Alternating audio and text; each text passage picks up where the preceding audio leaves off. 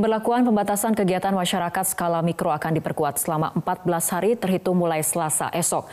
TNI Polri akan membantu pemerintah melakukan kegiatan testing dan tracing serta kegiatan pemisahan masyarakat yang harus menjalani isolasi mandiri. Kapolri memastikan personil TNI Polri akan membantu mendistribusikan kebutuhan pangan dan obat-obatan. Kasus COVID-19 di Indonesia terus mengalami peningkatan dalam beberapa hari terakhir. Presiden Joko Widodo menginstruksikan penguatan penerapan pembatasan kegiatan masyarakat mikro dan vaksinasi. PPKM Mikro akan diperkuat selama 14 hari terhitung sejak 22 Juni hingga 5 Juli 2021. Dalam penguatan PPKM Mikro, mobilitas masyarakat akan dibatasi sebesar 75 hingga 100 persen di daerah zona merah.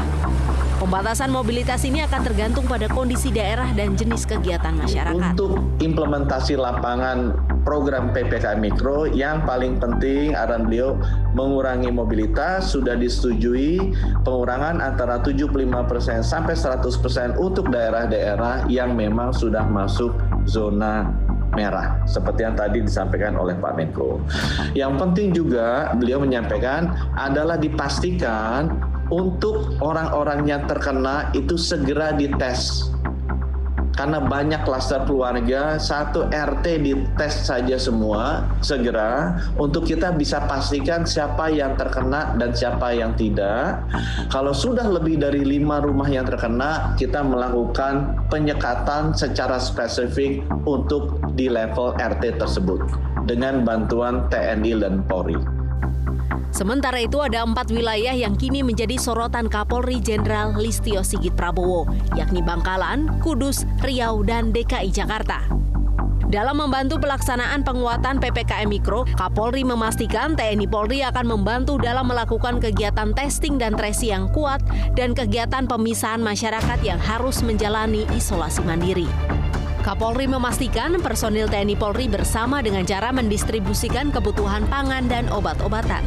Yang harus dilaksanakan kegiatan isolasi mandiri di rumah dan isolasi mandiri terpusat. Kemudian di dalam kegiatannya terhadap yang isolasi mandiri di rumah, kita lakukan kegiatan membantu distribusi obat-obatan dan uh, bantuan sosial.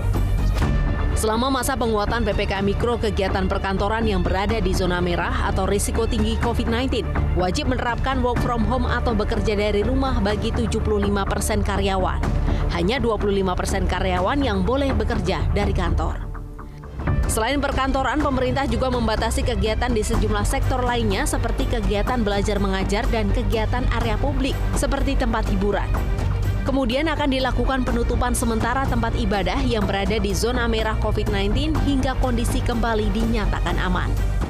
Di Telantas Polda Metro Jaya akan melakukan penyekatan di 10 ruas jalan yang ada di Jakarta pada masa PPKM skala mikro. Langkah ini dilakukan untuk menekan mobilitas warga dan memutus penyebaran COVID-19.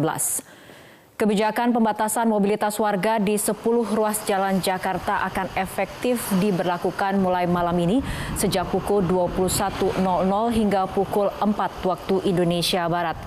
10 ruas yang disekat ini di antaranya Jalan Bulungan, Kawasan Kemang, Jalan Suryo, SCBD, Gunawarman, Jalan Sabang, Cikini Raya, Jalan Raden Saleh, Jalan Asia Afrika, BKT, Kawasan Kota Tua, Kelapa Gading, dan Pantai Indah Kapuk. Ada beberapa pengecualian yang boleh melintas. Yang pertama jelas adalah penghuni. Jadi walaupun jalan itu misalnya sudah dibatasi, tapi kalau ada yang mau melintas karena memang yang bersangkutan adalah penghuni di ruas jalan tersebut maka diperbolehkan. Yang kedua adalah kaitannya dengan kesehatan. Ambulan, kapotik, rumah sakit, untuk tujuan-tujuan itu masih boleh e, melintas. Kemudian yang ketiga adalah kalau di ruas jalan yang diatakan pembatasan itu kemudian ada hotel, maka tamu-tamu hotel maupun yang akan berkunjung ke hotel itu juga masih di e, diperbolehkan. Kemudian yang keempat, mobilitas dalam keadaan darurat, artinya misalnya ada kebakaran, kepolisian, ambulan, dari TNI, dari uh, patroli penegak disiplin. Kalau mau melintas jalan itu masih di Untuk mengatasi lonjakan kasus COVID-19, Polda Metro Jaya dan pemerintah Provinsi DKI Jakarta akan melakukan pembatasan mobilitas warga. Petugas akan melakukan penyekatan di 10 titik mulai pukul 9 malam hingga 4 pagi. Dan selengkapnya akan disampaikan oleh Riz Pratiwi langsung dari salah satu titik penyekatan di Kemang, Jakarta Selatan. List seperti apa rencana penyekatan yang akan dilakukan oleh petugas? Fitri Polda Metro Jaya dan pemerintah Provinsi DKI Jakarta kembali melakukan pengetatan mobilitas warga. Salah satunya dilakukan dengan penyekatan untuk menahan laju penyebaran COVID-19 yang akan dimulai dengan penutupan sejumlah ruas jalan pada pukul 9 malam hingga pukul 4 pagi yang akan dimulai pada malam hari ini. Dan saat ini saya berada di salah satu kawasan yang rencananya akan dilakukan penyekatan yakni di Jalan Raya Kemang. Untuk di kawasan ini nantinya akan dilakukan penutupan tepatnya mulai dari pertigaan Kemcik dan mengarah ke selatan hingga mendekati Jalan Benda. Menurut rencana bahwa penutupan ini nantinya akan dilakukan dengan penerapan atau menurunkan pembatas jalan yang akan dijaga oleh petugas. Kemudian ada juga spanduk dan juga plang yang menunjukkan bahwa area tersebut merupakan kawasan tertutup. Nantinya penutupan atau penyekatan akan dilakukan agar pengendara ini tidak dapat melintas ke kawasan tersebut dan pengendara ini dilarang untuk masuk ke kawasan uh, tersebut, tepatnya di Jalan Raya Kemang ini mulai pukul 9 malam hingga pukul 4 pagi atau pada saat penyekatan diberlakukan. Namun bagi warga atau masyarakat yang memang sudah beraktivitas di dalam area tersebut pada saat jam penyekatan ini diberlakukan, tentunya masih dapat melintas atau keluar dari area tersebut.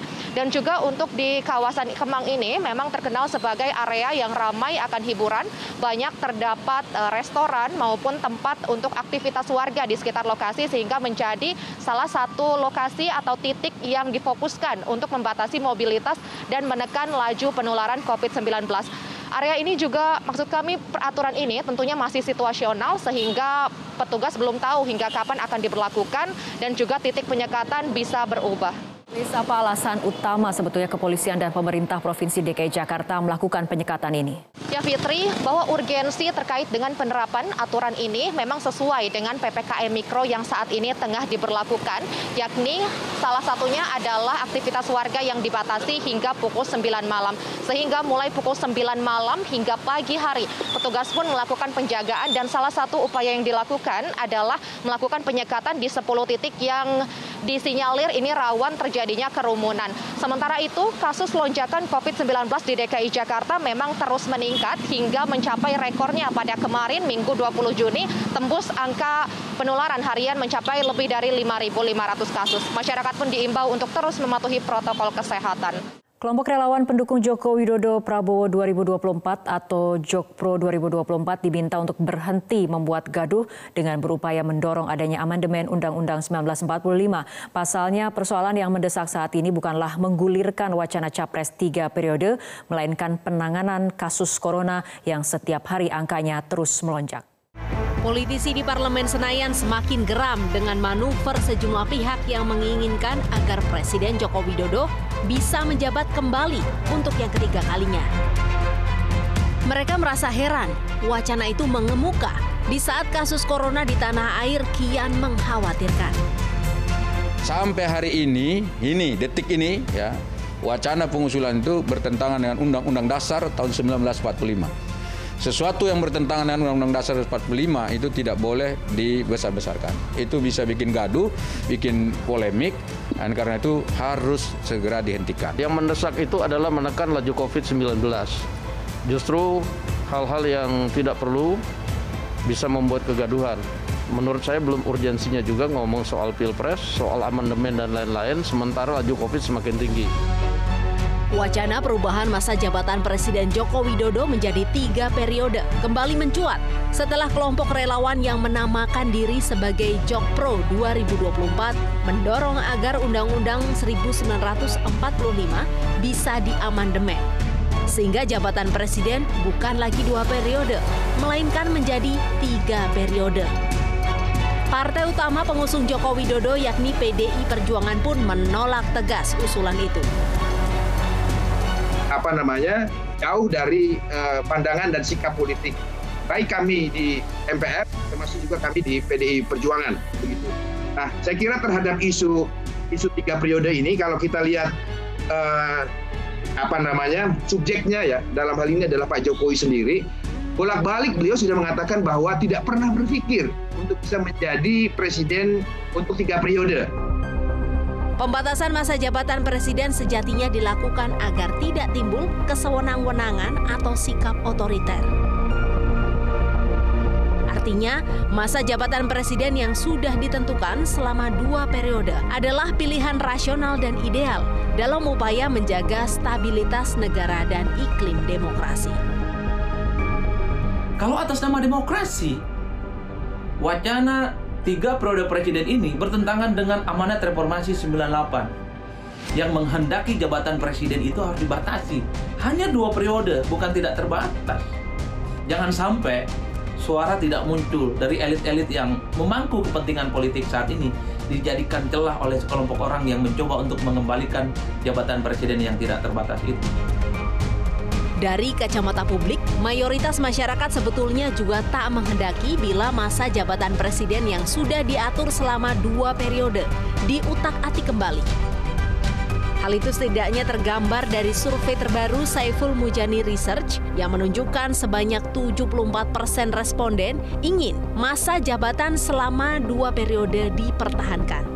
Sementara 52,9 persen menyatakan tidak setuju Jokowi kembali mengikuti Pilpres. Presiden dipilih tiga periode itu ada tiga menurut saya. Satu ingin menampar muka saya, ya. Yang kedua ingin cari muka, pada saya sudah punya muka. Yang ketiga ingin menjerumuskan. Itu aja. Wali Kota Surabaya, Eri Cahyadi menemui ratusan warga Madura yang menggelar unjuk rasa menolak penyekatan jembatan Suramadu dan tes rapid antigen. Eri menegaskan penyekatan Suramadu merupakan kewenangan Satgas COVID-19 Jawa Timur. Setelah sempat terjadi tarik ulur Pemkot Surabaya dengan para pendemo, Wali Kota Surabaya, Eri Cahyadi, akhirnya menemui para pendemo yang memprotes penyekatan dan tes rapid antigen di jembatan Suramadu, sisi Surabaya. Wali Kota Eri menyatakan aspirasi dari para pengunjuk rasa akan disampaikan ke Satgas Penanganan COVID-19 Jawa Timur.